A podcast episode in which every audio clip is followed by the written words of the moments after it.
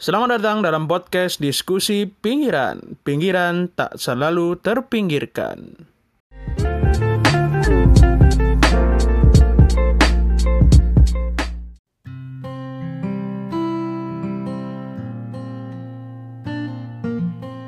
Halo, assalamualaikum. Balik lagi dalam diskusi pinggiran. Pada episode kali ini, kita akan uh, masih berbicara tentang seluk beluk pandemi. Cuman nih ada sesuatu yang mungkin sangat uh, hangat ya pada kesempatan hari ini gitu. Dan sekarang Anjay, hangat banget. Apa tuh ya? ya hangat-hangat pengumuman SBMPTN begitu. Waduh, waduh, waduh. Masih bersama gue Rifki dan di sini ada kru diskusi pinggiran yaitu Rizal dan Agaton. Waduh, apa kabar Ton? Rizal, aduh. Baik, baik. Halo, Sudah. halo. Alhamdulillah baik, baik. Iya, sudah lama nggak ketemu secara offline ya. Eh, kalau ngobrol biasanya online terus. Dan kita nih kedatangan tamu juga nih, Ton nih pada kesempatan malam hari ini. Siapa nih Ton nih kalau Waduh, gitu? siap. Siapa tuh? Siapa tuh? Wah, coba Ton, coba Ton, siapa Ton? Lo gue nanya siapa? Cowok Coba cewek cewek Ki.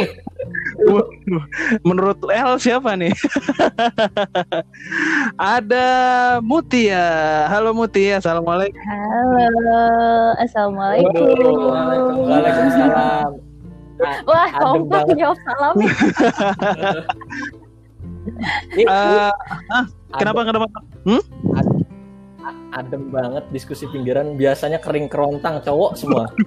Oh, udah udah mulai udah mulai masuk musim hujan kayaknya soalnya ya. Gitu ya. Iya, Iya. Iya, iya. Oke, oke. Eh, Muti ini siapa sih Ton? Kalau eh, lu kenal juga dong, pastinya dong. Ya, jadi Muti ini teman kita di Visip dulu ya waktu di Oh, iya, kampus betul. Visip Pajajaran. Mm-mm. Jadi eh, teman sefakultas dan sekarang mungkin bisa diperkenalkan diri saja langsung sama Mutia. Sekarang kerjanya di mana dan dulu kuliah di mana? Nah, itu dia Baiklah. tuh. Oke. Jadi ceritanya tuh dulu kita sekampus ya di Unpad, di Visip. Iya. Cuma Hmm. gue iya, gue eh, apa namanya? sering ngobrolnya itu sama Rifki karena kita satu jurusan ya Ki ya.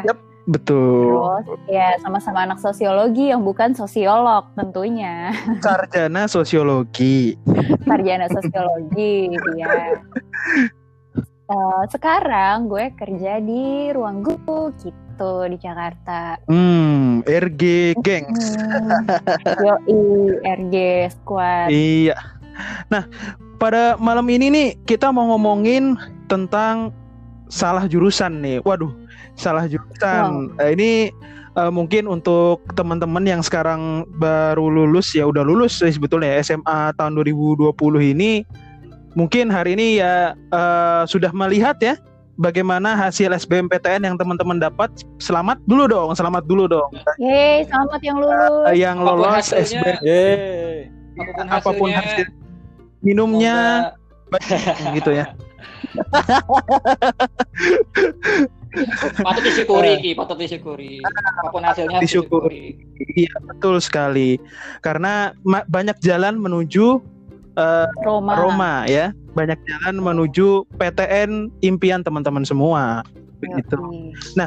Kalau ngomong-ngomong masalah eh, salah jurusan nih, mungkin, nah eh, for your information ya, eh, nih eh, teman-teman, gue sama Rizal ini eh, sama sebetulnya.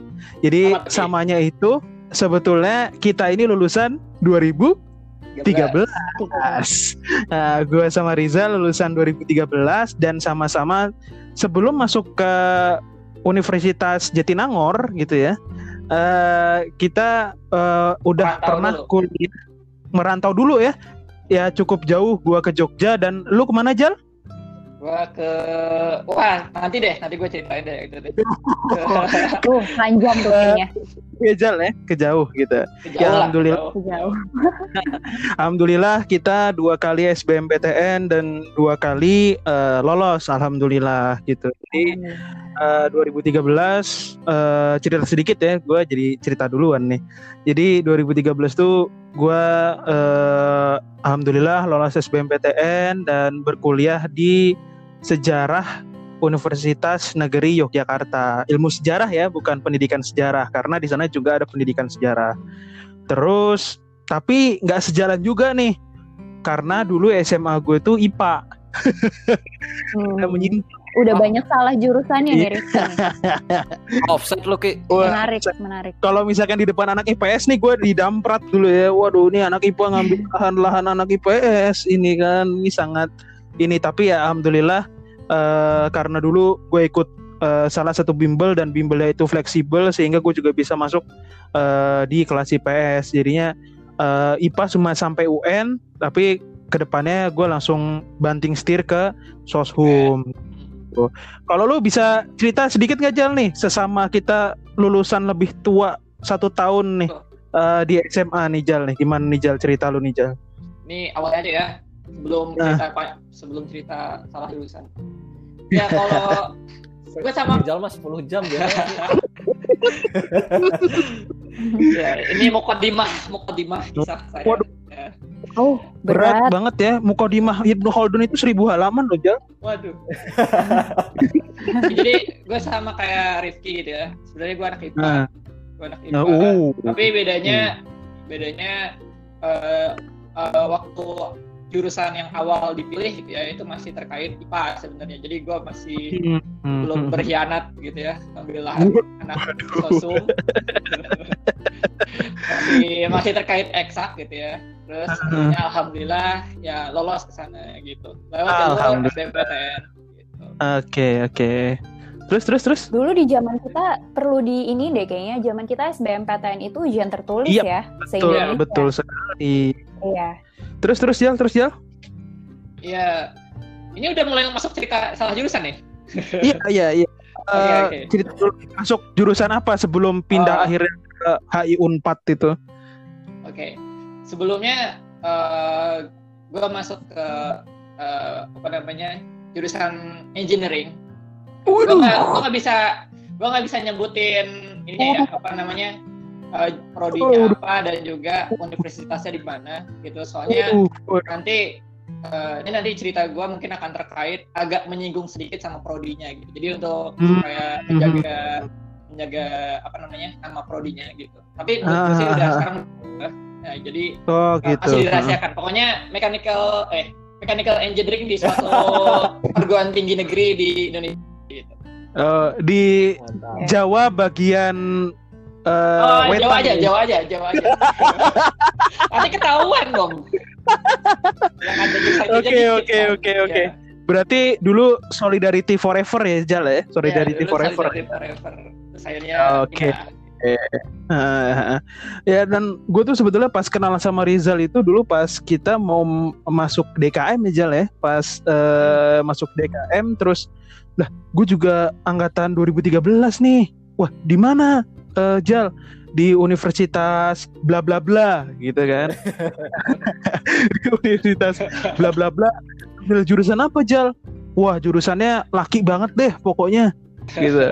Oh iya iya iya iya iya. Uh tiba-tiba eh, ambil SBMPTN lagi dan ngambilnya eh, HI Unpad ya wah luar biasa. Memang banting setirnya tuh dari yang mungkin berkutat dengan kunci-kunci Inggris, kunci pas gitu ya. Langsung ke- angin, hitung-hitung angin gitu. Sekarang hitung-hitung manusia. Heeh. Nggak- nggak ada Dan kerjaan ya. dan sekarang berkutat dengan buku-buku eh, yang eh, diplomatik begitu ya. Iya. Nah, sama kayak Agaton. Mungkin kita ke bintang tamu kita dulu nih Ton nih. Ke Muti. Nah iya. Bintang tamu Eh, dari banget. dari tadi kita mau cerita soal salah jurusan. Nah, Nah, kira-kira bintang tamu kita Muti ini pernah Salah salah, jurusan. nggak? Lu waktu SMA dulu mau apa, terus sekarang apa, terus kerjanya apa gitu? Nio. Oke. Iya. Ih.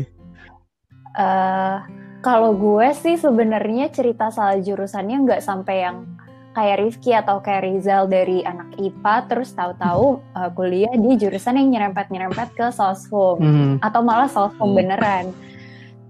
Tapi waktu SMA itu ceritanya kita kan pemilihan jurusan tuh dulu kelas 11 ya. Mau naik ke kelas 11 Betul, maksudnya. betul, betul, Hmm. betul. Nah, dulu tuh eh, waktu gue milih jurusan dari eh, kelas 10 mau naik ke kelas 11, gue udah mantep banget di mau, mau jadi anak IPS. Hmm. Cuma. Entah kenapa ya dari dulu tuh stereotip antara anak IPA dan anak IPS tuh kan ini banget ya timpang banget gitu betul, betul. eh, citranya Betul. gitu. Terus eh, di keluarga gue sendiri, em, ayah sama ibu gue waktu itu lebih mendukung gue jadi anak IPA. Hmm. Dan bahkan guru-guru SMA gue waktu itu, wali kelas gue sendiri juga mikirnya gue milih jurusan IPA. Hmm, gitu. Yang padahal, iya, yang padahal di angket pemilihan jurusan gue milih jurusan IPS. Hmm. Iya. Keren, Jadi keren. sampai hari pertama gue masuk sekolah di kelas 11, wali kelas gue yang seharusnya jadi wali gue di eh, kelas yang ada jurusan IPS tuh nggak tahu kalau gue adalah anak IPS. Hmm. Karena dia mikirnya gue anak IPA. Terus kayak ditanya, kamu ngapain di IPS? Kamu seharusnya di IPA. Hmm. Terus kayak, Bu, ada apa dengan jurusan IPS gitu kan? Iya, iya, iya, iya, iya. Iya, terus dari situ gue milih em, kuliah pun milihnya jurusan spesifik sosiologi. Sosiologi itu kan ilmunya spesifik banget Wah, kan mantap. ya di Iya kan. Terus tapi sebelum gue akhirnya bisa eh, dapat kepastian gue lulus sosiologi karena waktu itu gue ikut SBM juga nih. Hmm. Lulus SBMPTN tahun 2014. Sebelum pengumuman SBMPTN eh, ayah gue tuh udah pengennya gue masuk salah satu perguruan tinggi swasta di Jakarta di Kemang Hmm. sekolah em, apa ya perbankan mungkin kalian tahu ya Oh sudah iya, iya, iya. gitu Saya tahu, saya ya. tahu itu di Kemang. Iya, betul. Karena iya, iya, iya. Hah. Terus, terus. tahu kan, yang ada tiga huruf Iya. itu kalau disingkat, Eh, bla bla bla lah ya. ya gitu, bla bla bla, banking school. Iya, betul, betul, betul. Nah, itu ayah gue tuh udah udah pengen banget gue bisa masuk sana, Hmm. yang udah lulus juga sebenarnya Hmm. karena historinya ayah gue ini adalah orang bank Hmm. dari dia pertama kali kerja sampai lulus. Jadi dia mikirnya ya udahlah ke depannya kamu bisa berkarir di dunia yang sama gitu. Oke. Tapi tidak semudah itu karena saya punya pilihan juga ya Ki ya Yep. anak muda. Betul sekali. Ya jadi gue waktu itu kayak masih em, kekeh lah ya istilahnya buat eh, nunggu hasil SBMPTN dan alhamdulillah lulus di sosiologi Unpad. Alhamdulillah. Oh. Jadi sebenarnya plan gue dari SMA mau tetap jadi anak IPS tuh bisa dibilang masih berjalan dengan lancar Hmm. sampai setelah kuliah Mhm. em, mulai deh tuh gue explore mungkin itu lebih ke bahasan dunia kerja ya nanti Iya, kan beda cerita lagi tapi agak agak menyeleweng nih dari jurusan gue ke kerjaan pertama gue Hmm. pokoknya gitu sebelum gue di ruang guru ya sebelum gue di ruang guru Mhm. gitu Hmm, Oke. Itu sih. Kalau misalnya dengar ceritanya Muti nih, gue juga jadi inget cerita salah satu guru bimbel gue dulu pas eh, gue kelas kelas 3 apa pas kelas 2 ya. Jadi beliau tuh cerita bahwa ada salah satu anak eh, SMA, SMA dibilang dulu SMA favorit ya karena SMA ini cukup eh, mentereng apalagi di Jakarta Selatan, lebih tepatnya di Bukit Duri. Waduh, jangan disebutin ya. Padahal kita udah tahu lah ya SMA berapa begitu ya. Yaitu eh, dia cerita, guru gue ini beliau cerita eh, ada dia tuh masuk IPS gitu ya. Masuk IPS di kelas 2 sampai lulus kelas 3. Dan dulu kalau nggak salah masih namanya SNMPTN tulis ya. Jadi SB, Iya, iya. SBMPTN itu baru ada ketika zaman gue sama Riza lulus di tahun 2013. Tahun 2012 itu namanya masih SNMPTN tulis gitu. Nah, SNMPTN tulis, nah dia SNMPTN tulis ngambil Saintek cuy. Waduh ya. Ngambil Oh, Saintek dan keterima di kedokteran UI cuy. Pada serius, serius. Padahal Padahal dia SMA-nya ngambil jurusan soshum dan ketika ditanyain sama gurunya, "Kenapa sih kamu ngambil IPS?" Saya mau tahu aja belajar IPS tuh kayak gimana sih? Wadah. Oh, Oh, sekali. sudah aduh, Ada aduh Iya, ya. iya, iya. Jadi ya apa namanya? eh itu membuat anak-anak IPA yang lain tuh kayak waduh ya. Wah, dia kayaknya eh, menguasai segala macam ilmu kayaknya itu. Tapi kalau eh, ngomong-ngomong masalah kayak gitu coba nih kita ke Gaton ya. Eh, Ton lu pas di SMA itu ketika pas memilih eh, jurusan ya apa pun apa pun jurusan pas di SMA ataupun eh, pas lulus SMA tiba-tiba kepingin masuk eh, jurusan HI itu gimana sih Ton? Eh, dijelasin dikit atau ya gimana Ton? Kayaknya kalau dibandingin sama kalian bertiga, gue yang lurus-lurus Wih aja deh. mantap mantap Tapi mantap. Jangan jangan sok lurus. Tapi Jangan gini, sok lurus. jangan langsung waduh mantap Ya. mantap ini. itu itu kan dari SMA ke kuliah, Ah. dari kuliah ke kerjaan beda Ah, lagi Wah. ceritanya. Enggak lah Ton, enggak lah tulisan lu banyak lah. Enggak lah. Gimana tuh, Ton? Gimana, Ton? Cerita cerita Ton, cerita Ton. Ada po- poinnya gini Hmm. eh, gue waktu SMA itu emang udah dari dulu kan masuk pengen masuk IPS karena di IPA juga gue nggak passion satu. Yang kedua gue tidak memiliki kemampuan. Orang nilai fisika aja satu dua tiga gitu. Paling banter berapa sih? Enam atau empat gitu kan. Kemaja- kebanyakan remedi gitu. Hmm, hmm, jadi gue tahu diri Hmm. dan emang passion juga ke IPS Hmm. sosial karena suka politik juga. Hmm, hmm, dan gue pada akhirnya memilih jurusan HI Hmm. pada saat kelas 3 karena waktu itu di kelas 2 sempat ikut lomba diplomatik gitu Wih jadi tertarik lah mantap. Juara jadi juara. tertarik Nah, karena nganggapnya jurusan HI dulu itu waktu itu pakai jas tiap hari eh ternyata Lu nggak tahu sih Mut Gaton kalau kuliah pakai apaan? di jurusan HI tahu dong, sering lihat. terus terus Ton, terus gue karena ke jurusan HI Hmm. gitu. Ya ternyata di jurusan HI lebih banyak berkutat dengan buku, bikin esai, berapa ribu kata, dua ribu, lima ribu lah, kayak gitu lah. Dan dapat dapat simulasi sidang diplomatik gitu ya, cuma Sekali. ya paling dalam empat tahun itu cuma sekali dua kali lah, dua kali Iya, paling iya. bener. Hmm, Ya pas pas ospek sama pas ada satu mata kuliah gitu. hmm. Sisanya udah ya gitu. Jadi begitu. Oke. Gue lurus-lurus aja sih. Mantap, mantap. Nah, ke Riza lagi nih. Eh, Jal, lu kan pernah kuliah dulu ya. Eh, tapi lu ketika eh, dulu memilih salah satu jurusan mechanical itu, lu merasa bahwa diri lu tuh salah jurusan atau enggak sih, Jal? Oke.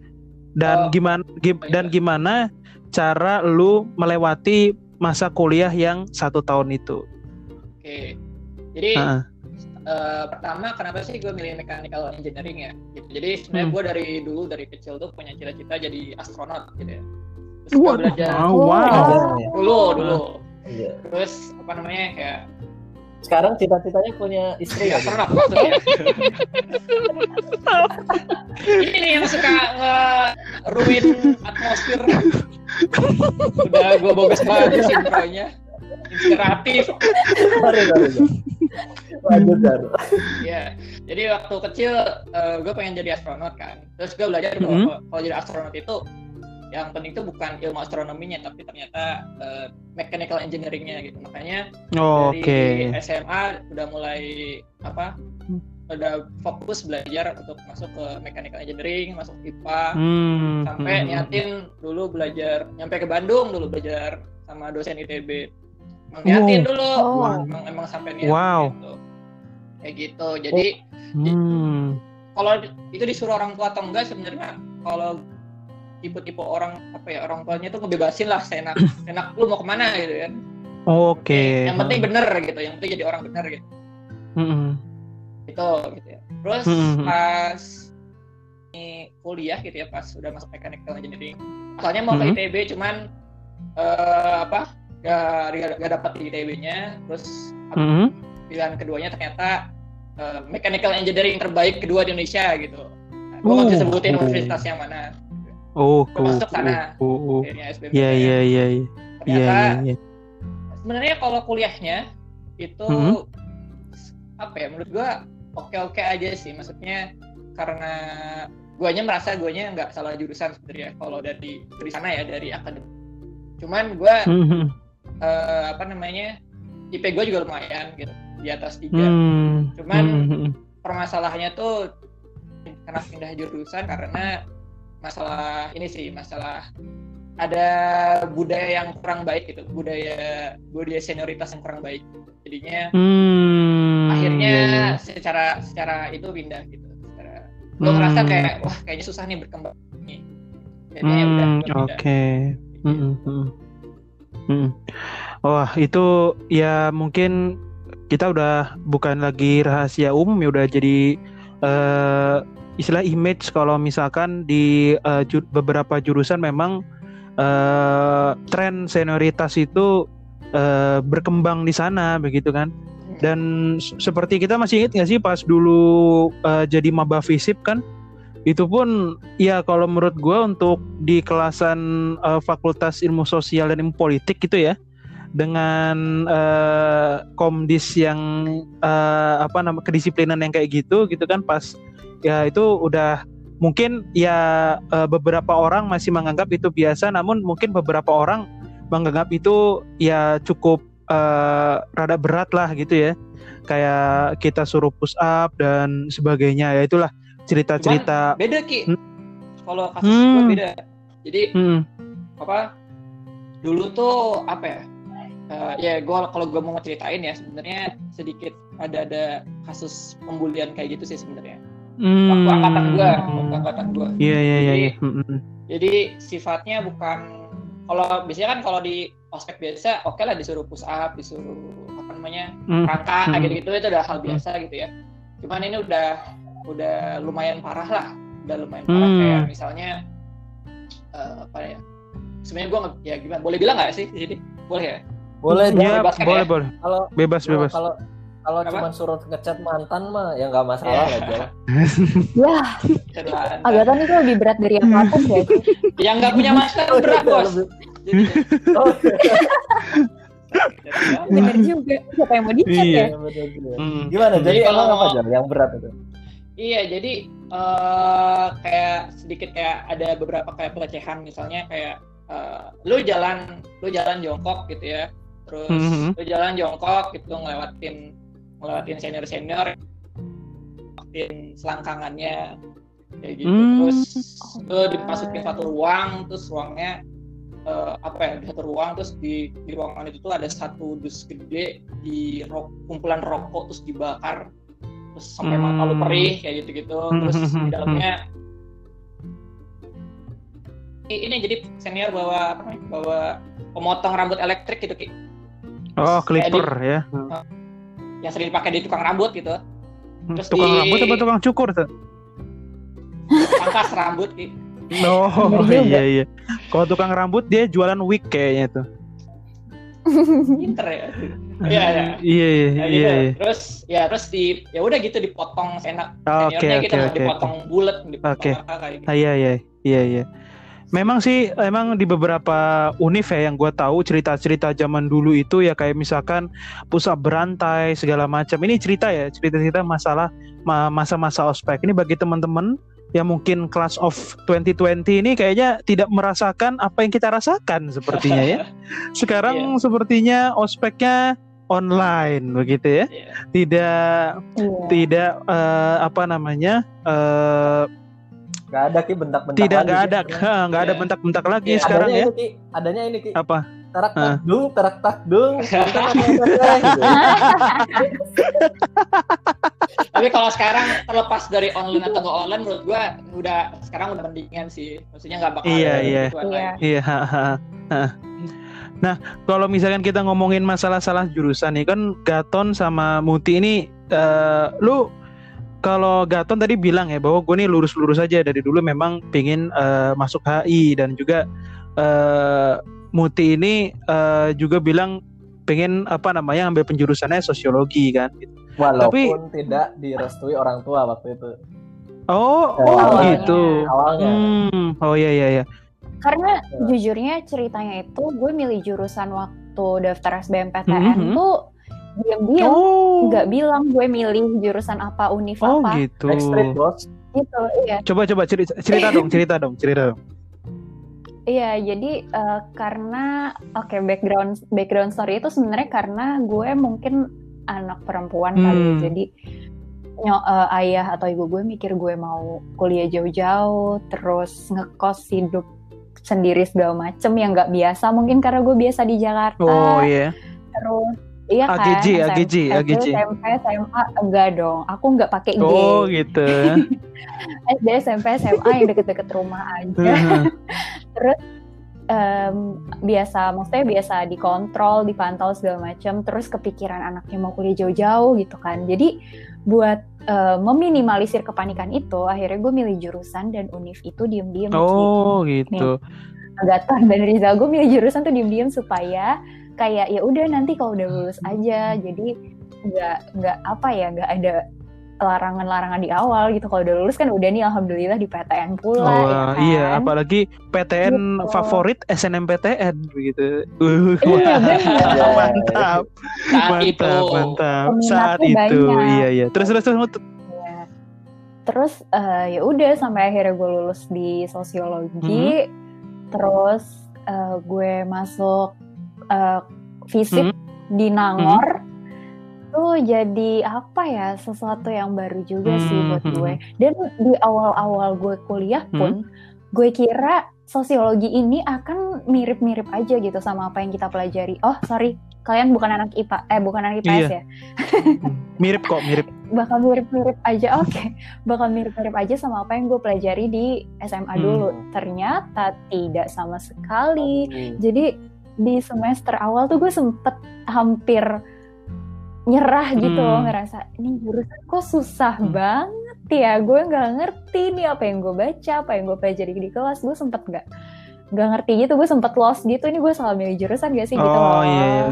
Tapi kan lu nggak sampai angkat tangan gitu kan? Oh saya tidak tidak, tidak kuat gitu. Gak Oh, kuat enggak ya? kamera di sana. enggak enggak Oh. Iya. enggak dong Eh, sempat kepikiran sih hmm. kayak takut nggak bisa nyelesain gitu di awal ya tapi Mhm. ternyata alhamdulillah lancar Wah Buat- mantap. Ini kan, ini kan kita cerita-cerita soal milih jurusan dan lo itu sempet uh, apa mau apa berminat dengan jurusan lo itu di sosiologi. Die hard lah yang ke Iya. sosiologi itu. Terus Hmm. ada Iya. perubahan gitu di saat jalanin kuliah jadi oh, Mhm. kayak gini gitu berbeda gitu. Nah apa sih yang membuat lo pada akhirnya bertahan sampai 4 tahun menjalani gitu? Orang kan kayak kayak Wah. Rizky, kayak Rizal kan tuh udah beda lagi Yep. tuh. Tadinya Yep. mau terus Iya. pindah gitu. Lo apa alasannya? Mut? oke ini ini yang menurut gue ini premis utama topik kita Iya. malam ini ya Hmm. Yoi. kenapa lo tetap eh, Jadi Bertahan. kayak Ah. berpegang teguh sama apa yang udah lo pilih di awal hmm, karena menurut gue apa yang kita pilih ini jurusan Mhm. ya apa yang kita pilih kayak gue udah milih jurusan sosiologi nih terus dari awal gue udah komit gue sampai bela-belain diem-diem milih jurusannya supaya nggak ketahuan ayah ibu gue hmm, gitu hmm. supaya gue bisa masuk dulu ya yang bikin gue bertahan udah pasti tanggung jawab gue sama diri gue sendiri sih Hmm, iya iya iya. gitu ya kan Yap, karena kita udah sekali. milih udah berproses gue udah belajar buat SBMPTN terus gue juga udah lulus yang mungkin ada orang lain yang juga punya kemauan yang sama besarnya sama gue untuk lulus di sosiologi gitu Yap. terus kalau gue nggak bertahan kayak ya kali coy gitu loh ya Hmm, sih? Yap, hmm, betul sekali. Tapi ada sempat wacana nggak kayak ah, bukan wacana ya kepikiran gitu lo bertahan dengan rasa terpaksa gitu atau apa gitu pernah ada Atau lu- gitu Eh, Atau lu niat untuk SBM lagi di eh, tahun berikutnya? Wah itu. Kalau niat buat SBM lagi sih nggak ada. Hmm, tapi kalau bertahan dengan keterpaksaan tuh mungkin bukan terpaksa ya tapi lebih waktu itu gue butuh waktu untuk benar-benar bisa belajar dan memahami apa yang dipelajari di sosiologi. Mm-mm. jadi ada di beberapa bulan pertama di semester awal itu gue sempet satu waktu sampai ngomong ke ibu gue kalau jurusan ini tuh ternyata susah banget gitu loh. Terus gue sampai bilang kayak kayak gue nggak bisa deh gitu. Hmm. terus ibu gue kayak bilang ya kalau kamu ngerasa susah ya bukan ngeluh belajar. Iya bener juga sih iya ya iya iya solusinya iya belajar. iya iya iya. Iya gitu Hmm. jadi ya udah oke kita belajar. Hmm. gitu. Siap. Itu yang bikin eh, lo punya terbesit gitu gitu apa kayak jurusan ini susah itu sebenarnya apa nih? Kan biasanya ada apa mahasiswa baru nih kadang baru masuk lo kok Mm-mm. gini? Lo kok Iya. gitu? Lo kok gini? Iya kan iya. ada Loh, semacam kayak gitu. Tapi loh nah kok itu kata apa sih faktornya? Faktornya Iya. apakah dong materinya yang beda ses dengan ekspektasi atau lingkungan belajar misalnya? Apa aja sih iya. Hmm. Heeh. faktornya? atau misalkan gini loh kok katanya di Bandung kok di Nangor? Ya gitu. Iya. oh, emang em- emang offset sih offset. Eh, kenapa? Oh iya. Ya iya eh, pamfletnya tuh di Bandung tapi ternyata di Iya, kecamatan gitu Eh, kecamatan betul betul iya. Apa- apa, Bang? banget Balik lagi lagi. kecamatan ya iya balik lagi nih Jadi eh, tadi pertanyaannya Agatan dulu kali ya. Hmm. Yang bikin gue ngerasa kesulitan di awal itu mungkin peralihan dari eh, apa ya suasana di SMA Hmm. ke perguruan tinggi. Di SMA itu nggak tahu ya sampai sekarang gimana. Hmm. Tapi eh, yang gue rasain dulu culture pendidikan di em, angkatan gue Hmm. em, cenderung kayak gue nggak tahu nih sampai sekarang masih atau enggak Eh, kayak apa ya terbi gu- eh, guru itu terbiasa ngasih murid kunci jawaban yang bisa menyelesaikan satu pertanyaan atau satu isu atau satu materi Hmm. untuk selesai dalam waktu yang singkat gitu Oh, kayak nih kalian belajar yang ini aja Yap. karena nanti di soal keluar jawabannya pasti yang itu Hmm. gitu Hmm. tapi setelah kuliah kita kan di em, didorong untuk bisa belajar mandiri terus punya pola pikir sendiri Mhm. tentang apa yang kita pelajarin Mhm. teori konsep Yep.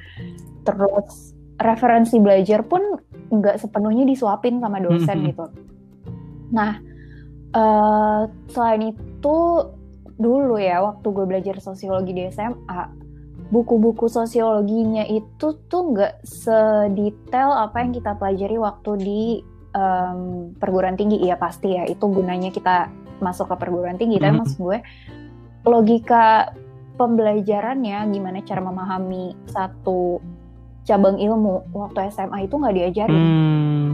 gitu. Hmm. Terus begitu masuk kuliah, kita belajar dari dasar yang ternyata konsep dasar ini berhubungan terus sampai materi-materi yang akan kita pelajari sampai lulus. Hmm. Hal itu yang sempat bikin gue bingung di awal. Gue kesulitan untuk memahami eh, kenapa cara belajarnya harus kayak gini dan kenapa definisinya harus jadi serumit ini. Dulu waktu Hmm. di SMA kayaknya nggak kayak gini Hmm. gitu. Hmm. Iya, padahal tujuannya ya ternyata untuk Oke. membangun logika kita berpikir buat memahami ilmu yang kita pelajari kan. Hmm. Gitu. Dan itu gue baru nyadar, baru ngeh setelah tiga semester belajar sosiologi. Oh ternyata dulu di SMA tuh biasa disuapin, makanya di kuliah gue jadi bingung Iya, apa yang gue pelajari. Mm-mm. Setuju nggak sih? Iya sih. kalian? iya benar-benar. Apalagi ya ya kita di SMA mungkin kan hanya belajar kulitnya aja ya, gitu kan. Iya benar. Nah, kayak misalkan eh gue baru kenal sosiologi itu ketika mau intensif SBMPTN gitu kan. Eh, Hmm. Sosiologi ini enak nih. Gue karena memang eh, basic gue sebetulnya eh, suka pelajaran yang berhubungan dengan kemasyarakatan gitu kan. Jadi pas eh, belajar di intensif SBMPTN itu wah sosiologi eh istilahnya boleh juga nih gitu kan. Padahal dulu gue sebetulnya nggak tahu mau milih jurusan apa gitu kan. Di IPS pun ya masih istilahnya eh, bingung lah ya. Kayak misalkan kayak anak-anak IPS tuh paling mau eh, masuknya yang tinggi-tinggi misalkan kayak hukum ataupun eh, psiko ekonomi. manajemen gitu kan. Iya. habis itu juga psikologi sampai akhirnya gue liat wah sosiologi nih kayaknya eh, asik juga ya gitu. Jadi dulu tuh kalau gue cerita sedikit ya eh, awal gue dulu milih ketika lulus kuliah itu gue itu pilihan pertama itu eh, UGM pokoknya gue dulu wah nih eh, nggak apa-apa sebut merek nih ya. Gue tuh kayak eh, inilah eh, harga matinya lah. Pokoknya pengen mau masuk kampus biru lah istilah gitu kan sampai uh, karena gue juga dari Jogja gitu kan ngelihat kampus biru tuh kayak wah gue uh, pokoknya dibilang UI gitu kan uh, terus kemudian yang universitas lain kayaknya wah enggak deh kayak gue harus uh, bener-bener masuk UGM nih. Sampai dulu karena bokap nyokap gue notabene dulunya hukum gitu kan wah kayaknya uh, ngambil hukum asik juga nih gitu. Milih akhirnya hukum uh, eh, UGM kemudian uh, pilihan keduanya itu uh, sosiologi. Sosiologi UNS 11 Maret Surakarta. Terus pilihan ketiganya baru uh, sejarah gitu ya di uh, hmm. UNY dan alhamdulillah keterima di UNY uh, ilmu sejarah. Dan ketika masuk ilmu sejarah itu uh, mungkin hampir sama ya kayak Muti ya. Gue tuh kayak wah gue anak IPA gitu kan. Terus uh, belajar sejarah juga sama pas uh, intensif doang gitu. Dan ya nyantol-nyantol dikit lah ya namanya juga uh, semester 1 masih pengantar-pengantar lah ya gitu. Cuman uh, culture belajarnya itu memang memang beda banget. Beda banget uh, yang gue rasain ini ini uh, subjektif gue sendiri ya gitu. Jadi uh, pas gue belajar dan dulu itu ya ini lucu juga sih. Dulu itu orang yang gue bilang paling pintar satu kelas di kelas gue pas gue masih kuliah di Jogja itu juga dia adalah anak IPA cuy. Anak IPA beneran nih beneran. Itu wah sahabat gue tuh.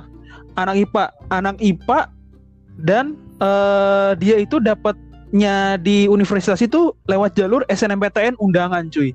Bayangin. Oh, bisa dan sih? dia itu Undangan iya. ya? bisa bisa cuy. Bisa dan dia tuh kalau misalkan udah kelas itu rame dengan diskusi wah dia kayak ngelotok banget. Kita tuh kayak wah gitu kan.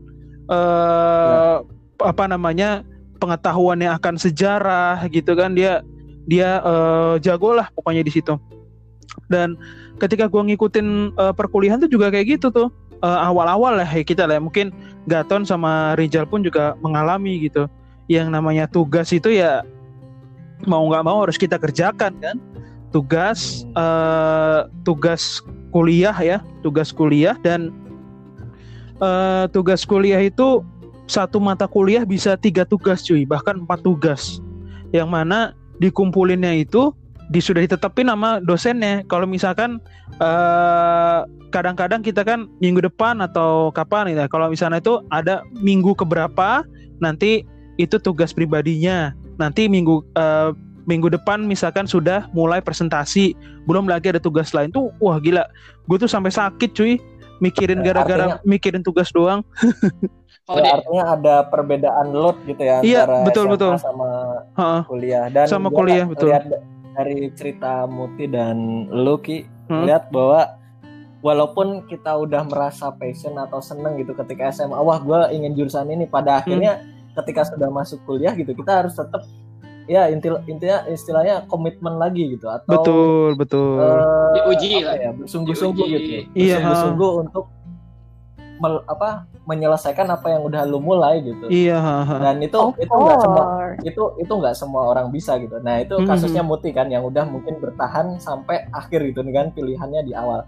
Nah gue mau geser ke lu ki sama ha. Rizal. Kalau lo kan case-nya beda nih. Lo dan Rizal ini adalah hmm. angkatan hmm. 2013. Yep. Gue dan Muti 2014 kan. Hmm. Lo sempat setahun di universitas lain dengan jurusan yang lain. Hmm. Kenapa pada akhirnya lo memutuskan untuk pindah gitu? Nah, Apakah ini, ini artinya ini apakah artinya ini lo tidak komitmen ataukah ada pertimbangan-pertimbangan lain? Mungkin mahasiswa-mahasiswa baru ini bakal juga mengalami hal-hal semacam itu gitu. Nah, betul sekali. Siapa dulu nih? Lo apa Gojal? Lo dulu lagi. Rizal dulu. Rizal. Pertanyaan Bapak jurnalis ini beda. Iya, memang. Iya, bikin bikin deg-degan loh. Oke, Jal, monggo Jal, duluan Jal. Oh, ini jurnalis nih. Oke. Kalau gue kalau gue kayak kayak tadi udah diceritain ya sebenarnya. Kalau gue sih sebenarnya uh, awalnya kalau dalam hal akademik gue masih survive lah istilahnya kalau di jurusan mm -hmm. yang apa yang yang itu gitu yang sebelumnya gitu jadi -hmm. memang kasus kasus gitu ya memang kasus khusus mm -hmm. jadi emang Hmm. Eh, yang bikin yang gua nggak yang bikin gua pindah itu karena kasus khusus itu kayak gitu jadi Hmm. ada gua dapat eh, apa perlakuan seperti itu dari seniornya. Terus juga dari sistemnya benar-benar seniornya mengancam gitu ya nggak boleh Hmm. nggak boleh bilang ke prodi banget gitu. Atau enggak nanti efek lah di eh, apa namanya perkuliahan perkuliahan selanjutnya. Soalnya kan perkuliahan selanjutnya kalau di engineering itu kan ini ya apa pasti ada aslab ada aslab ada asdos gitu. Dan aslab asdos itu Hmm, pasti hmm, dari senior gitu. Jadi pasti ngaruh gitu nilai itu pasti ngaruh gitu. Jadi nah karena kasus tersebut terus juga gue ngelihat kayak sistemnya wah kok sistemnya kayak gini gitu ya. Jadi kalau Hmm. gue rebel ke sistemnya gitu kan gue bisa bilang ke prodi atau bilang ke mana gitu ya pihak-pihak lain wah ini jadi nggak bener nih. Gue jadi eh, terkucilkan secara sosial maupun secara akademik kayak gitu. Nah itu udah menurut gue udah apa ya udah udah kayak wah ini eh, oke. Gue nggak gue pengen gimana ya salah jurusan itu kan kalau kita salah jurusan naik angkot gitu kan kita mau kecil lagi tapi malahnya apa ikut angkot yang cahum salah goals Hmm. Iya betul. dulu tuh pikirnya goals itu ya hanya sebatas sebatas apa namanya sebatas pekerjaan gitu. tujuan tempat Hmm. sampai Mm-mm. Hmm. gue tuh pengen cerita tuh ya sebatas pekerjaan gitu kan gue pengen jadi ini Hmm. gue pengen jadi tapi ternyata semakin dia semakin dewasa gitu ya semakin gue ngikutin perkuliahan hari gue ngerasa kayak ada yang lebih penting gitu dari pekerjaan itu gimana lo juga bisa Betul. berkembang terus lu juga Betul. bisa jadi pribadi yang lebih baik gitu lu bisa pribadi yang lebih Hmm. berkembang bisa lebih jadi lebih Hmm. baik kayak gitu soalnya kalau Hmm. kerja mah akhirnya lo gimana akhirnya lo memilih untuk pindah gitu ya kenapa gitu ya jadi ya pindahnya itu karena eh, ya itu gue merasa tempat gue kemarin itu eh, nggak bisa membuat gue berkembang gitu gue bakal apa ya terkucilkan secara psikologis dan juga secara akademik gue nggak bisa berkembang nggak bisa jadi nggak bisa jadi lebih baik gitu kan secara psikologisnya juga lebih nggak lebih nggak enak lagi terus juga sebenarnya agak-agak rebel juga gitu ya tiba-tiba anak rebel Hmm. gitu Hmm. terus jadinya apa namanya eh, terkucilkan juga secara sosial gitu. gue Hmm. merasa ya ah kayaknya Nah, perlu tempat yang baru kenapa Oh, Oke. Ini kenapa lu pada akhirnya banting setir nih? Jauh banget nih Jal banting Hmm. setirnya dari tech dari jurusan mekanikal gitu ke sosial yang ya hubungan internasional gitu HI gitu. Kenapa lu memilih HI dan Unpad gitu waktu itu? Hmm. Iya. Jadi gue dulu itu ya, waktu gue milihin keluar tuh putusan yang berat banget tuh. Keputusan berat. Gue Hmm. depresi banget lah sebulan lah. Itu kayak wah depresi banget lah Eh, apa dalam sama putus dari mantan lebih berat mana Jal? Hmm. aduh beratan inilah tanggung Iya. jawabnya ke orang tua Lu Iyalah. depresi gitu kan, Jal? Iya meran udah jauh-jauh merantau dibiayain Iya. jauh-jauh terus kayak lu masa pulang-pulang nggak kan anak Iya. laki-laki mana yang nggak malu kayak gitu tapi Lu Mau nggak mau, Oh, mau nggak mau harus mau nggak mau ya harus ya kayak gitu kan ya jalan takdirnya Iya. gitu. Lu- Lu sampai gini nggak, Jal? Apa? Eh, yang guru, apa yang harus saya lakukan gitu sayangnya enggak sih Ki Oh, enggak ya. sayangnya enggak sih Ki gitu jadi ya apa namanya ya waktu dulu juga gue nggak nggak punya tempat buat cerita kan gitu jadi kayak gue cerita ke orang tua gue malu gue gagal gue cerita Hmm, teman hmm. juga teman siapa gitu kan di sana jadi Wah, cerita lah, Jal, cerita lah. Eh, Cerita. ya itu dulu lah ya dulu nah Oh, jadi oke. setelah itu gue mikir kayak udah gue mau pindah terus kan gue rasanya mau Hmm. pindah lagi balik Hmm. lagi tuh mau ke Bandung ke mechanical engineering yang Hmm. Bandung cuman Hmm. eh, entah kenapa ya gue masih mungkin ada Hmm. sedikit rada trauma gitu gara-gara Hmm. gara-gara kejadian itu gitu ya gue takut Hmm. diperlakukan seperti itu lagi gitu gue lebih Hmm. pengen eh, prodi yang menganggap gue lebih apa ya lebih hormatnya lah sebagai manusia Hmm. terus gue mikir-mikir lagi ternyata dulu tuh gue sempat kayak ikut kompetisi waktu SMA ya. Ikut kompetisi eh, dalam bidang debat dulu debat debat bahasa Hmm. sampai nasional. Uh. sama siapa Jal? Debatnya apa? Debat. Sama orang? Sama siapa debatnya? Oh sama orang. Gimana? Pertanyaan jurnalis ini anda jurnalis Lah, pertanyaannya kira- seperti itu orang itu kan punya identitas spesifik gitu nama misalnya Ah, atau iya. statusnya apa ya gitu. sekolah-sekolah lah antar Cewek. sekolah Nah. antar sekolah terkait mosinya mosi-mosi internasional gitu. Jadi Hmm. nah di situ gue Moshi-moshi gitu. Hei, Oh, salah. bukan ya. Itu itu bahasa Indonesia nya itu- mosi ya, topik lah eh, ya. nasional gitu ya. Terus gue jadi Hmm. mikir kayak kayaknya gue bagus nih di bidang itu gitu ya. Kayaknya gua bagus. Akhirnya eh gue coba ya isi horoh gitu kan terus juga Masya konsultasi Allah. konsultasi ke guru-guru gue ke SMA akhirnya ya Hmm. udahlah dengan meskipun pilihannya berat gue akhirnya ya udah bukan cuti gue langsung keluar terus langsung Hmm. intensif belajar di rumah gitu kan ngerem diri di rumah terus akhirnya ya, ya, Wah, belajar sudah sampai ini belajar ya? IPS? Self quarantine, self quarantine berarti dulu. tuh. Iya, gue udah berpengalaman buat WFH atau self quarantine sebenarnya. waduh, waduh. Jadi masih ada hubungannya dengan pengalaman di SMA ya, lo milih jurusan HI itu, ada debat-debatnya gitu lah ya. Iya, betul. Iya, gitu. Sih gue. Nah, lo gimana? Lo gimana ki? Waktu itu lo mutusin akhirnya pindah gitu ki Oke. dari jurusan jurusan A ke jurusan B gitu. Mhm. Yang sekarang sih sosiologi. Mm. Nah, eh sebetulnya hampir ya nggak dibilang sama juga ya. Ya gue tuh samanya tadi eh, sama kayak Rizal. Gue nggak cuti tapi langsung bolos. Ya itu salah gue sendiri juga sih. Jadi kayak eh, tetap kuliah, cuman di semester 2 tuh kayak wah gue harus eh, apa namanya eh pilih nih mana kalau misalkan mau diseriusin pindah ayo kita serius pindah gitu. Gue sampai konsultasi sama orang tua dan segala macam dan orang tua bilang coba urus dulu cuti bisa atau enggak? Ternyata cuti itu harus ada minimal sudah melewati beberapa semester gitu. Dan masa dan eh, alasan cutinya pun harus jelas. Ya itu kan udah ribet banget lah ya gitu. Dan gue eh, akhirnya seperti orang buron gitu ya ditanyain Rif di mana di mana? Itu sama teman-teman gue gitu kan.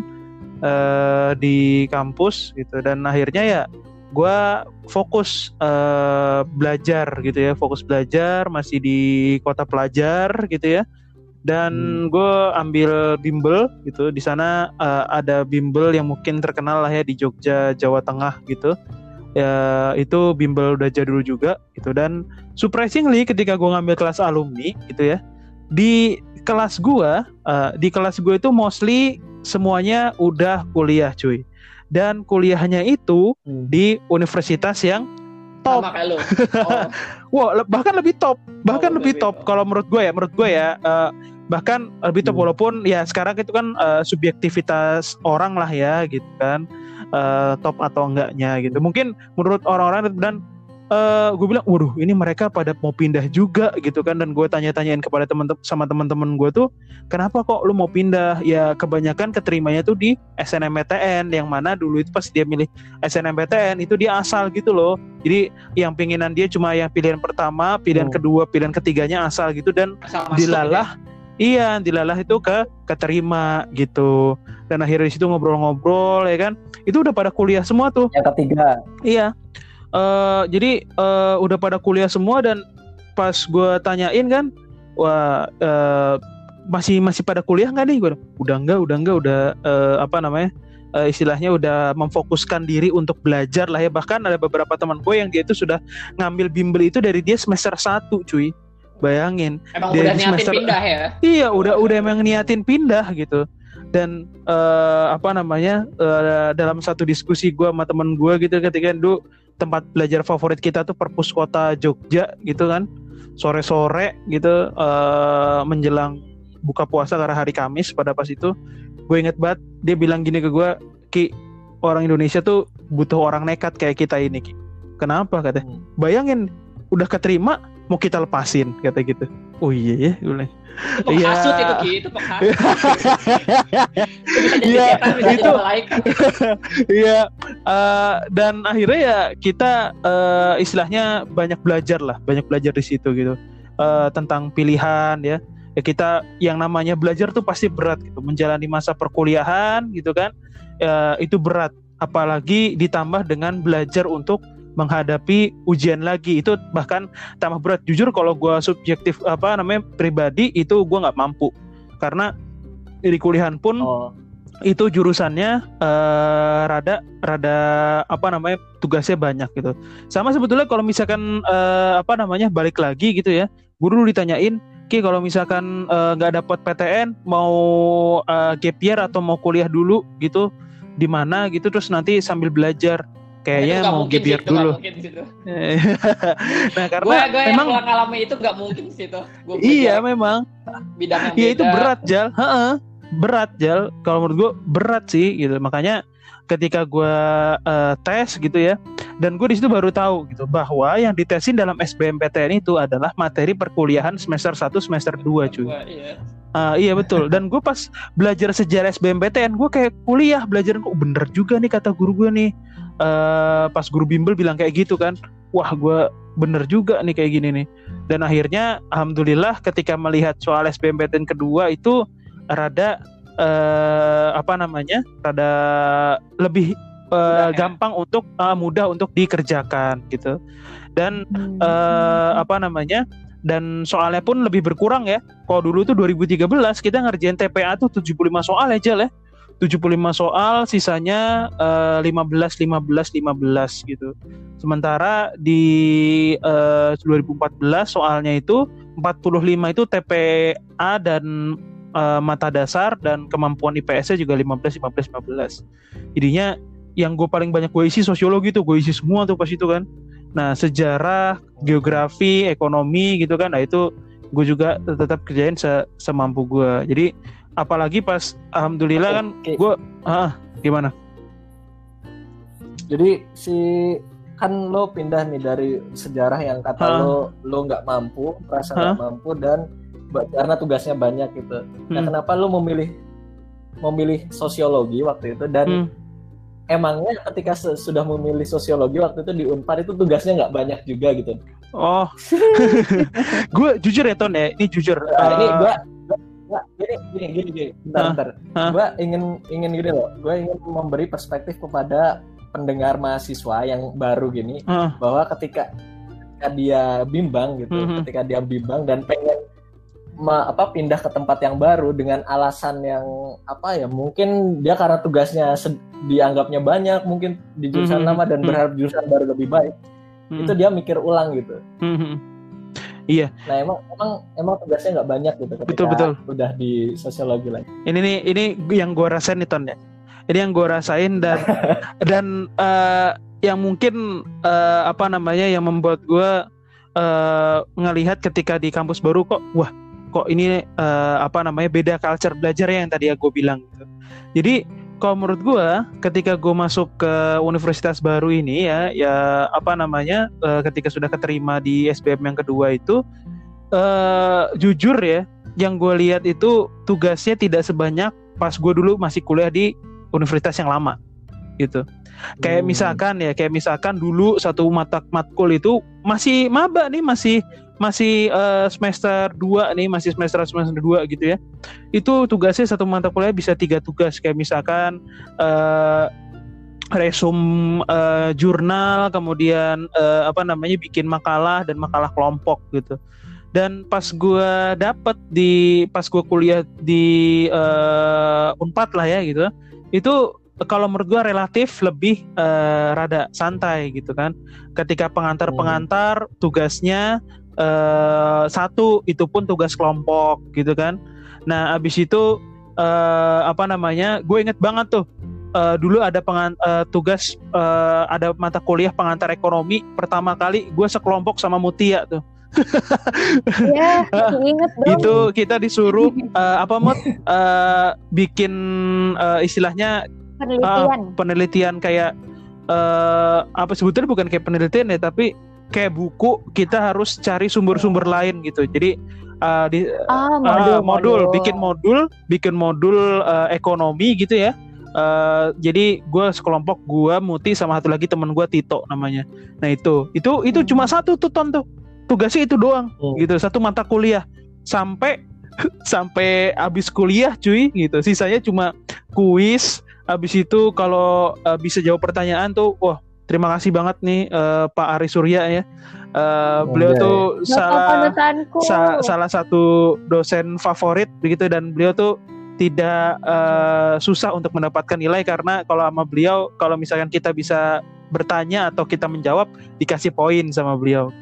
Nah, jadi uh, apa namanya?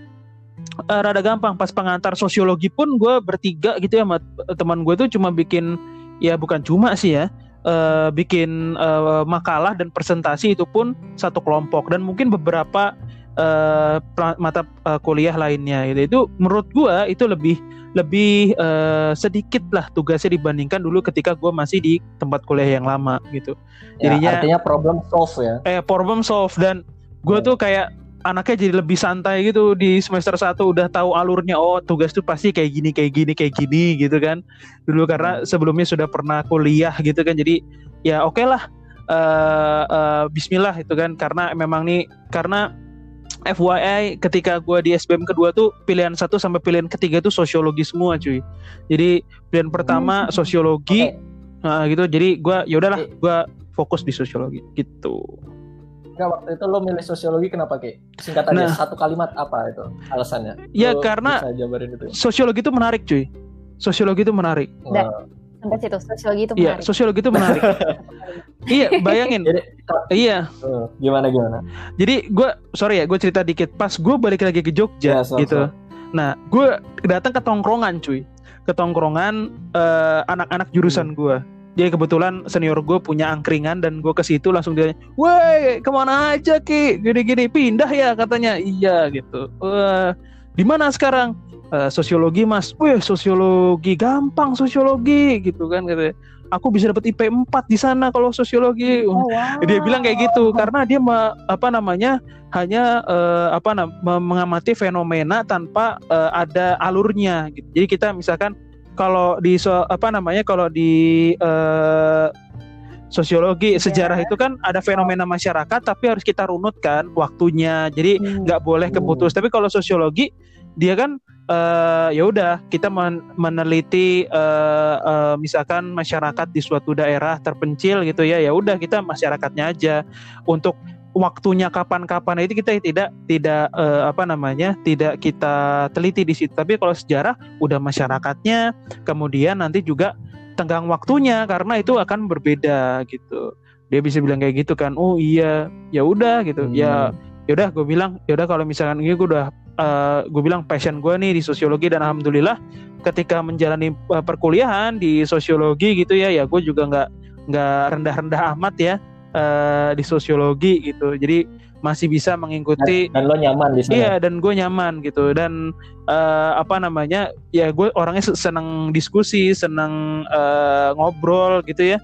Ya jadinya ya gue nganggapnya sih dulu di uh, angkatan uh, sosiologi itu uh, udah banyak nih yang bisa mengutarakan pendapat gitu. Apalagi dulu kalau misalkan gue dulu balik lihat uh, ke universitas gue yang dulu ya, yang kampus gue itu kalau di kelas tuh udah rame itu. Kalau ada dosen ada pertanyaan itu langsung uh, bukan bukan nanya cuy, malah ngomentarin gitu kan. ada yang kayak gitu temen gue. Uh, dan kalau ya mungkin ya uh, beda lah ya situasi dan uh, mungkin uh, personal orang-orangnya gitu. Jadi ya ketika gue di sosiologi ngikutin uh, apa namanya pembelajaran gitu ya. Bayangin cuy, di kita mau teh dulu pas uh, semester 1 pas semester 2 gitu ya. Itu tuh uh, mata kuliah uh, eh, PKN itu kayak gampang banget gitu Mut ya. Dapat iya, nilai uh, bagus gitu ya. Uh, tugasnya hmm. juga nggak begitu berat tapi dulu pas di gue di universitas yang lama itu PKN itu senior gue ada yang ngulang cuy dan iya dan banyak dan nggak sedikit cuy Oke. Okay. Uh, Jadi gitu. intinya adalah lo punya reason itu apa punya alasan yang valid lah untuk iya. lo pindah gitu. Mm -hmm. Takutnya ini kan kita banyak ya mungkin mahasiswa baru yang ketika dia udah setahun dua tahun dia merasa oh kok nggak cocok nih. Mm -hmm. Gue pengen atau dia ada masalah dengan mm -hmm. kuliahnya itu dia terpikir untuk menyelesaikan masalahnya itu dengan pindah jurusan gitu dan hmm. mungkin saja terjadi ada mungkin ada cerita-cerita ketika dia udah pindah jurusan dia malah uh, apa masuk ke jurang masalah lainnya gitu. Hmm, iya sih. Dan, dan gue yakin setiap setiap tantangan masalah perkuliahan itu pasti ada gitu hmm. di setiap setiap kampus itu. Jadi ya mungkin buat mahasiswa-mahasiswa baru ya yang satu semester atau dua semester ke depan ada masalah gitu harus dipertimbangkan baik-baik juga. Betul, gitu. Uh, betul. Apa, namanya kalau mau pindah jurusan lo masalahnya apa Hmm. jangan jangan langsung mungkin apa namanya eh punya keputusan gitu eh, sek- sekilas gitu langsung pet gue pengen pindah jurusan jangan harus Hmm. pertimbangin dulu kan Betul betul. dan lo harus punya alasan yang kuat Iya. Itu itu yang gue tangkap dari dua cerita lo Mm. nah gue sekarang pengen geser ke Muti nih nah kan Oke. eh, ini kita masih cerita ngobrol-ngobrol salah lo lo ini ceritanya yang cukup paling lurus nih di sini. Eh, dari SMA pengen sosiologi. Ah IPS ya IPS lah ya. Hmm. nah, ini yang dua dua orang ini udah rada off pakai IPS nah yang Muti masih Iya. agak lurus nih. Dari SMA pengen IPS terus di kuliah pengen sosiologi lah ya menjurus gitu spesifik. Nah setelah kuliah sosiologi nih lo karirnya itu apakah masih terkait dengan sosiologi atau enggak nih nah kita Oke. penasaran. Iya, Kita mulai masuk ke pembahasan dunia setelah kuliah berarti Yap. ya. pasca kampus. Yoi. Eh, kalau gue sebenarnya eh, kerjaan pertama gue itu dulu gue dapetin waktu gue magang di Komnas Perempuan. Itu Hmm. waktu semester berapa ya? Semester 6 ke semester 7 gitu. Pokoknya habis KKN deh. Hmm. Terus eh tapi magangnya pun bukan di divisi yang kayak apa ya berhubungan sama sosiologi misalnya research and development sekali. Gue justru magangnya di divisi humas Mhm. atau di P- eh, divisi PR-nya Komnas waktu itu. Hmm. Terus eh, jadi di pas pertama kali gue magang sebagai anak PR ini di Komnas Perempuan, gue belajar sesuatu yang cukup berbeda dari apa yang gue pelajari di kampus. Kenapa gue bilang cukup berbeda? Karena selama di kampus kurang lebih gue udah ngerasain nih gimana kerja sama-sama banyak orang,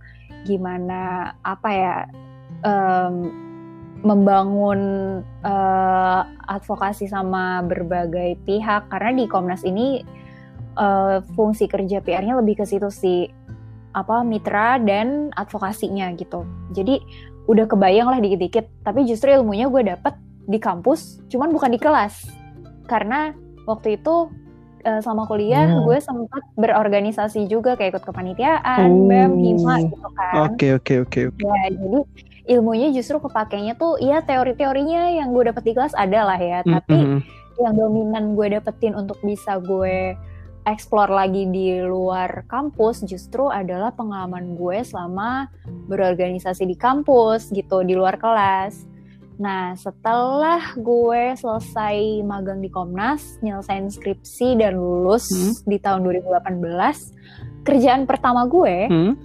adalah sebagai public relation consultant Hmm. di salah satu PR agency di Jakarta. Mm-mm. Masih berhubungan sama pengalaman magang gue, tapi nggak ada hubungannya sama sekali sama jurusan gue. Mm-mm.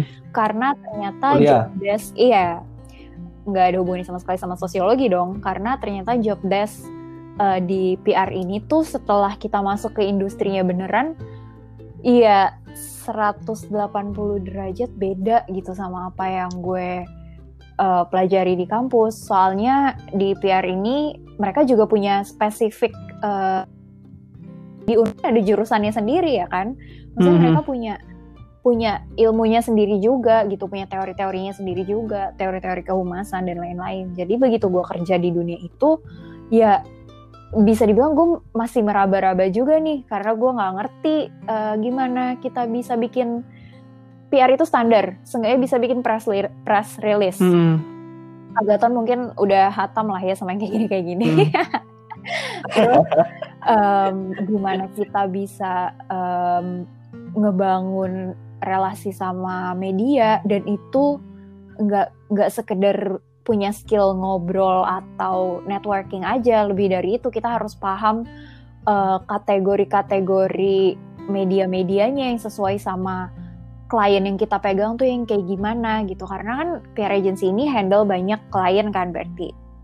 Ya berarti gue sebagai PR consultant waktu itu nggak megang satu uh, klien doang beberapa klien dari industri yang berbeda membutuhkan em, apa ya namanya insight di bidang kehumasan yang beda juga gitu loh. Jadi ya bener-bener ilmunya tuh sesuatu yang baru buat gue. Jadi jatuhnya setelah lulus pun gue bisa bisa dapet kerjaan di dunia PR tuh karena ya ujung-ujungnya learning by doing gitu loh. Oke. Okay.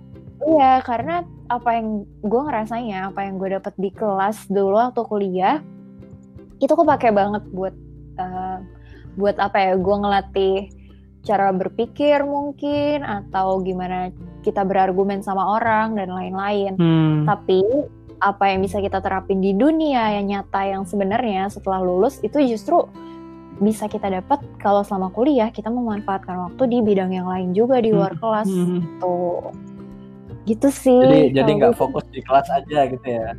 Nggak fokus di kelas aja. Jadi kalau ditanya uh, berhubungan apa enggak jurusan sama kerjaan gue enggak sama sekali. Tapi oh, okay. kan tapi, uh, tapi gue... sekarang berhubungan dong? Berhubungan karena setelah di RG uh. iya setelah di RG dunia dunia pendidikan terus gue juga ada di tim spesifik di tim sosiologi juga. Hmm. Wah udah balik lagi kayak kuliah lagi belajar lagi dari nol gitu tapi nggak juga sih mood kalau misalnya dibilang nggak ber uh, apa namanya nggak uh, nggak sepadan gitu tapi kan kalau di PR itu kan lebih kepada mediasi gitu nggak sih mood kan iya, iya. mediasi kan ada tapi, asimilasi. Iya, iya, oh, iya asimilasi. Berarti gak kepake sama sekali. Kepake, uh. tapi uh, apa ya?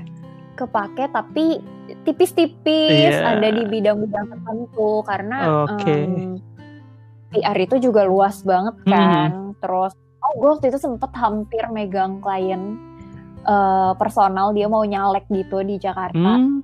Terus iya dia butuh research tentang kayak uh, apa sih uh, apa ya jumlah uh, apa pemilih-pemilih yang di masih usia kita gitu loh kelompok-kelompok pemilih usia muda tuh di Jakarta karakteristiknya kayak apa mereka cenderung milih pemimpin yang kayak gimana gitu-gitu nah itu tuh bekal-bekal uh, apa ya dasar-dasar penelitian di sosio terus gimana nganalisis konteks sama konsep tuh kepake banget sih hmm, gitu. Yep itu sih yang gue rasain hmm.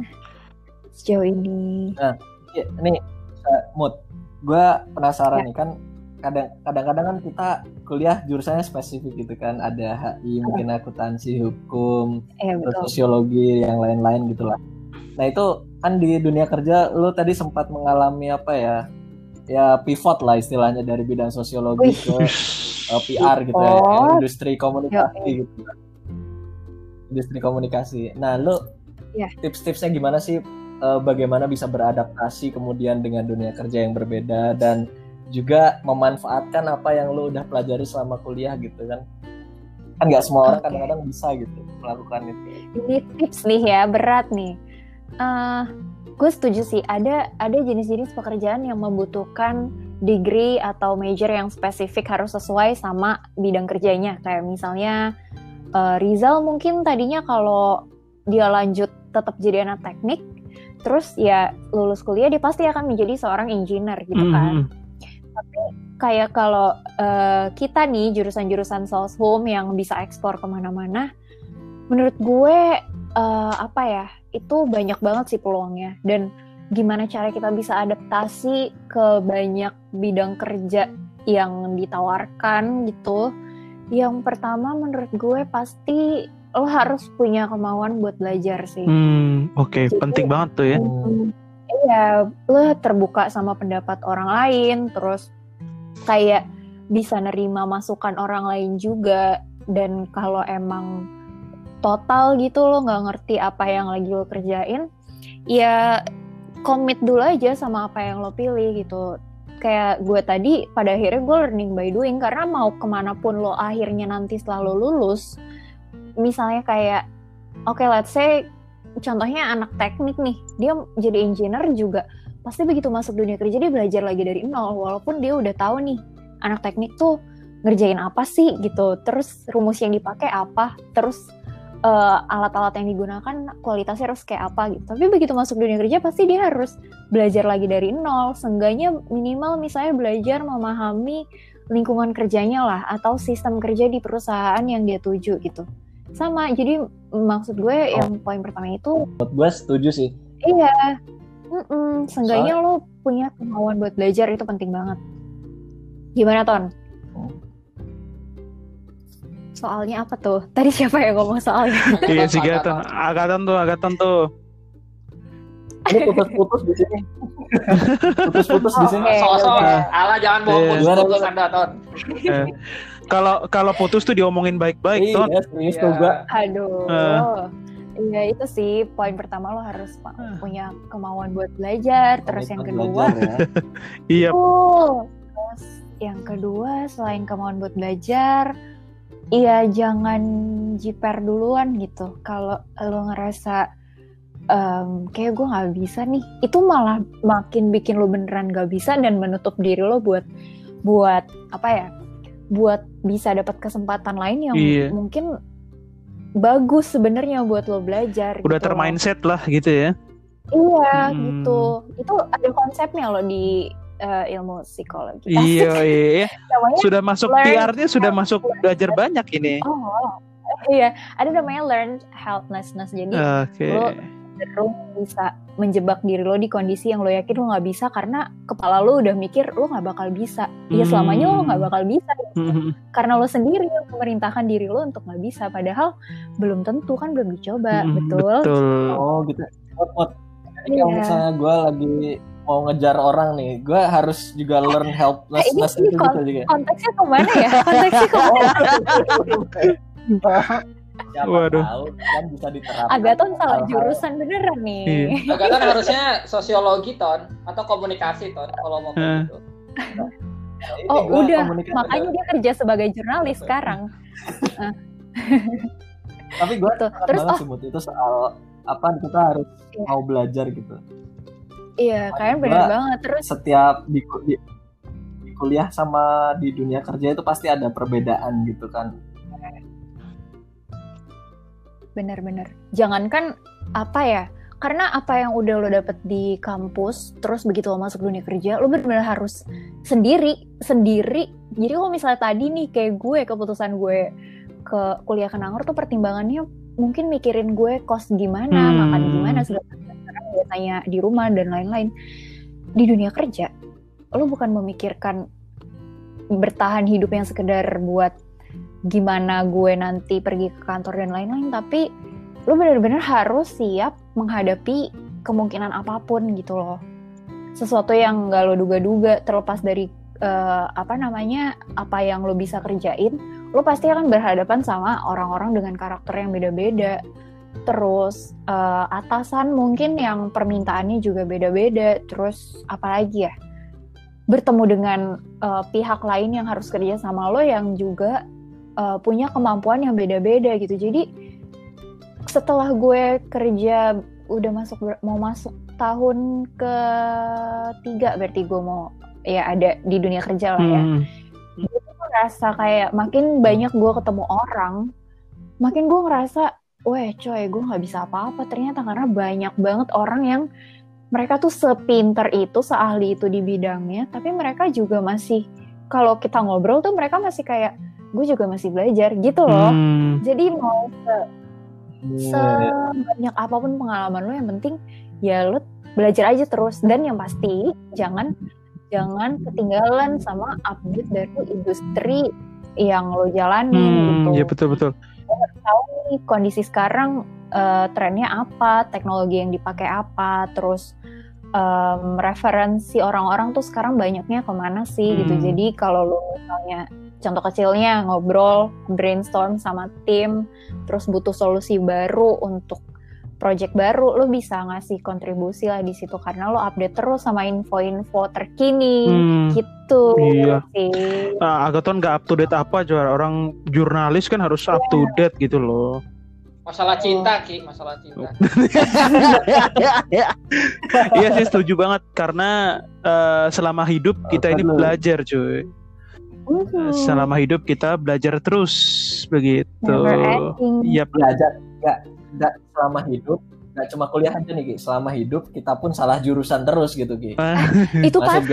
Iya iya iya iya iya. Iya dari dari cerita lo bertiga nih Hah?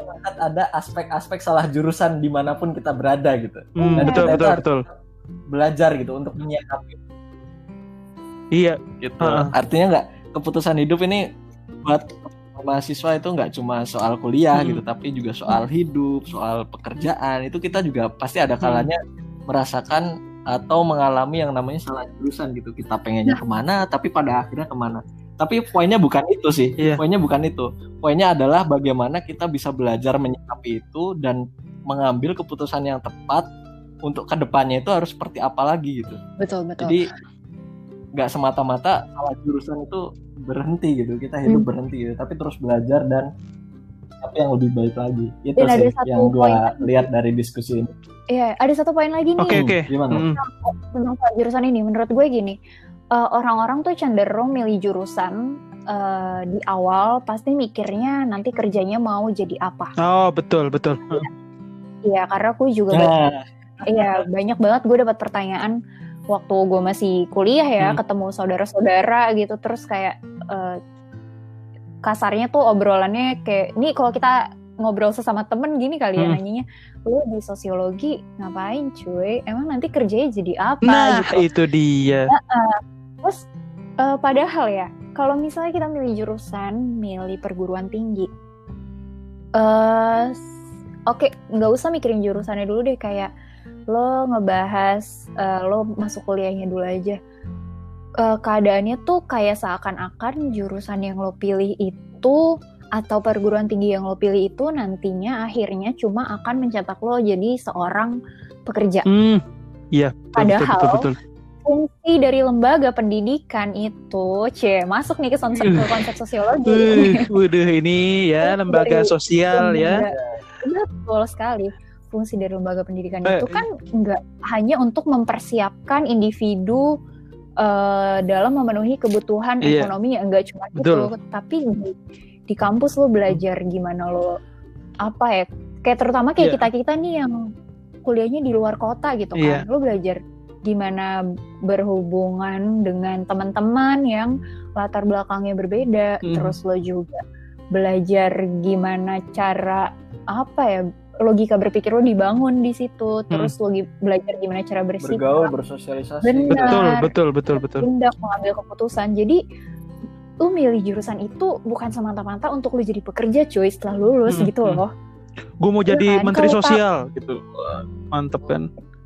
Ah, boleh sih amin ya Hmm. aku ada si Rifki di situ gue lihat-lihat ya Gitu, jadi menurut gue pemikirannya tuh perspektifnya perspektif tentang pemilihan jurusan dan perguruan tinggi ini sih yang harus diubah sama mungkin uh, teman-teman yang masih SMA sekarang atau yang lagi sibuk Iya. mau milih Mm-mm. ya di mana terus ngasih penjelasan ke orang tua juga nanti bisa lebih enak cek. lagi Hmm.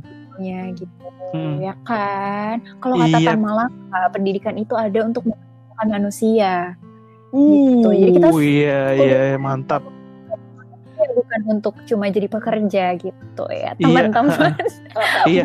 Ah, gue sotoy betul, betul, betul. ya Kalau kalau bahasa Islamnya itu kita tuh harus jadi itkon ya. Jadi bukan hanya sekedar bisa, tapi kita Oh. jadi pak- pakarnya di situ. Gitu.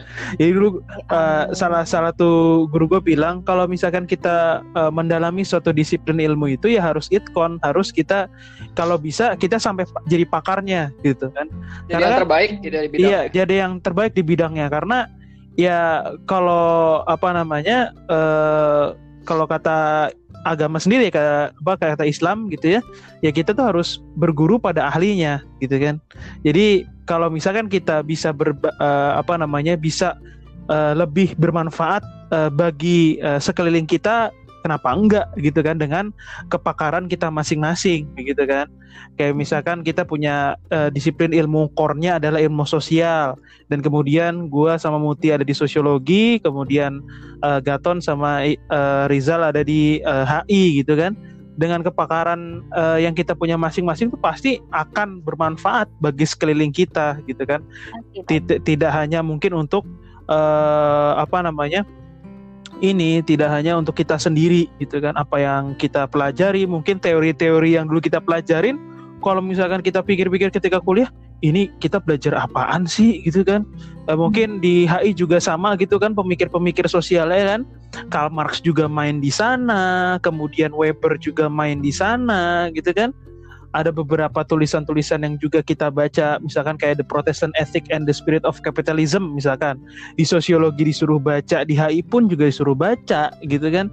Ya uh, ujung-ujungnya dari fenomena itu kita bisa pelajarin oh ternyata masyarakat sekarang lebih berkembang lebih gimana. Kita bisa tahu gimana cara kita ketika kita kembali ke masyarakat tuh kita tidak tidak apa ya tidak uh, gagap lah gitu ya. Ketika kita di kuliah nih bergaulnya sama teman-teman kita sendiri gitu kan mungkin kalau hmm. misalkan kalau kayak gua gitu ya ada adalah sedikit-sedikit gitu ya sama masyarakat sekitar. Karena kita pernah sekontrakan ya Jal ya. Sampai kita lulus sekontrakan. Uh, apa? Happy banget. Uh, jadi kita bisa berhubungan dengan Pak RT kemudian dimarahin ketika sampai malam-malam gitu. Iya dan dan Bu RT-nya itu adalah dosennya Rizal gitu kan yang lebih galak begitu kan. Uh, itu kita bisa belajar di sana gimana cara menangani uh, masyarakat di sekeliling kita gitu. Jadi tidak ada tidak sebatas akan kita uh, tidak sebatas nantinya akan kita bekerja di mana tapi ketika ilmu kita bermanfaat bagi orang lain insya Allah ya rezeki adalah di sana begitu gitu kan? Begitu. Hmm. ya, nah. intinya intinya belajar jangan cuma di kelas gitu betul ya. Betul sekali ya, betul ya, sekali. hmm. dan gue juga ingat juga nih dulu ada salah satu profesor uh, sosiologi antropologi ya namanya Prof Haryo beliau selalu bilang gitu kenapa sih uh, apa namanya kalau misalnya kita kaitin ke agama lagi ke Islam itu uh, dulu wahyu pertama itu adalah ikro suruh baca gitu bukan sekedar baca uh, literal baca buku atau baca uh, kitab ya, tapi kita harus juga membaca nih sekeliling kita kayak gimana gitu kan. Nah, itu dia uh, poinnya di situ Betul gitu. Banget. Jadi belajar jangan cuma di kelas, huh? jangan cuma ngajar nilai. Yap tapi juga belajar di masyarakat. Iya. Gitu, buat uh. adik-adikku ya. ya. Oke, okay, listeners kita nih sekarang uh, mungkin ya adik-adik ini sekarang sedang menjalani kuliah semester awal ataupun yang baru-baru lulus SMA nih akan nanti ke depannya gimana nih? Sudah mungkin uh, ada yang uh, membuat uh, mind mapping mungkin ya. Kayak Rizal tuh wah Rizal tuh sudah membuat mind mapping begitu ya. Dan uh, kita kita juga mungkin pernah ya membuat mind mapping. Nanti kita semester sekian mau ngapain. Misalkan ikut conference atau mau ikut lomba atau mau ber uh, apa namanya uh, organisasi di mana misalkan kan ya kalau misalkan kita masih berpikir wah gue kayak salah jurusan. Lu kalau berpikir gitu terus sampai lulus juga uh, bakal uh, apa namanya berpikir kayak gitu terus gitu ya. Jadi kayak salah gak, jurusan. Iya salah jurusan. Nah itu jadi bisa termindset dan salah jurusan terus. Iya makanya Uh, jadi kita harus bisa uh, memanage ya uh, pikiran kita dan waktu-waktu kita. Karena kadang-kadang banyak banget nih yang masuk. Kayak misalkan uh, kak pas di kuliah gimana sih? Nanti ikut organisasi ya. Itu gimana kita cara memanage waktu-waktu uh, belajar nggak bakal. Iya uh. menurut gue nggak bakal ini gak sih ki? Ini Agaton juga nih anak organisasi yuhu. Nggak uh. bakal merugikan kok. Betul. Sama sekali tidak akan merugikan. Betul. Malah rugi kalau nggak nyobain gitu. nah itu dia. gue, uh, apa ya apa yang bisa lo dapetin di luar kelas itu adalah sesuatu yang nggak bisa lo dapetin dua kali. Nanti kalau lo udah lulus nih misalnya oke okay lah lo kuliah lagi mm -hmm. master. Mm. wah pengalaman organisasi di sarjana tuh beda banget. yep, betul ya, sekali. rame bisa ngumpul satu univ gitu kan. betul betul. Betul sayang banget kalau nggak dicobain. Mm -hmm. itu wah itu sebetulnya nyesel sih. Gue sebetulnya juga agak nyesel juga sih Kenapa dulu nah, nggak kan. nggak apa ikut organisasi uh, yang banyak gitu. Iya, padahal ya istilahnya oh, kebanyakan juga stres sih. Ya betul juga, betul iya. juga. Rizal nih mood uh, lu Rizalnya pernah jadi asisten menteri loh di BEM Kema Unpad. Oh. Iya loh. Saya hormat. Iya loh. Makanya uh, apa namanya? Saya banyak gagalnya. Jangan Organisasi saya banyak gagalnya. Iya banyak pelajaran yang bisa diambil. emang trial dan error Iya nggak sih betul betul prosesnya, betul. ya kan? Hmm. gitu tapi eh, apa namanya ada satu hal lagi sih yang mau gue sampaikan Oke. kalau sebenarnya jurusan yang kita pilih di kit- di masa kita kuliah tuh juga gak selalu menentukan kerjaan kita apa sih karena pada akhirnya nih gue punya banyak teman-teman yang mereka kuliahnya spesifik ilmunya. Terus setelah lulus mereka jadi ilustrator mereka jadi desainer mereka jadi apa sesuatu yang berada di dunia yang total beda sama apa yang mereka pelajari waktu kuliah Hmm. gitu. Jadi menurut gue eh, oke lo belajar di kelas terus em, ada di kampus gitu belajar teori dan lain-lain. Tapi em, kalau lo punya skill terus eh, lo punya banyak kemampuan lain yang eh, selama ini udah biasa lo kerjain juga kalau bisa jangan dilepas gitu tetap dijalanin tetap dikembangin beriringan sama apa yang lo pelajari di kelas gitu. Karena nanti setelah lo masuk dunia kerja pun di mana pun kerjanya orang-orang akan ngelihat eh, kemampuan lain yang lo punya apa sih Eh, gelar sarjana lo ya nggak sih Iya betul sekali. Oh, jadi ya nggak apa ya, nggak ada yang sia-sia sih Mm-mm, sebenarnya. betul. Kalau salah jurusan nyasar-nyasar itu pasti. Iya. Lu nyoba-nyoba masuk ke dunia kerja aja setahun pertama atau setelah lulus aja lu pasti bingung gue mau kerja apa ya gitu. Hmm. Dan ujung-ujungnya ya belajar lagi gitu, nggak ada yang langsung jadi expert atau nggak ada yang langsung ada di level 10 pasti mulai dari nol kalaupun lo ngerasa atau kayak gue gue pernah ngerasa kayak kayak nih gue stuck di kerjaan ini terus gue nggak bisa ngelanjutin karena sebenarnya gue punya cita-cita jadi dosen ki Oh. gue punya cita-cita jadi Mantap. dosen eh sempet kepikiran buat kayak gue harus resign dulu nih dari kerjaan gue yang pertama Hmm. terus lanjutin kuliah dan pindah ke tempat kerja baru yang industrinya lebih sesuai sama cita-cita gue. Hmm. Tapi setelah gue mencoba dan ya karena satu dan lain hal gue nggak bisa kuliah dulu lagi. Hmm.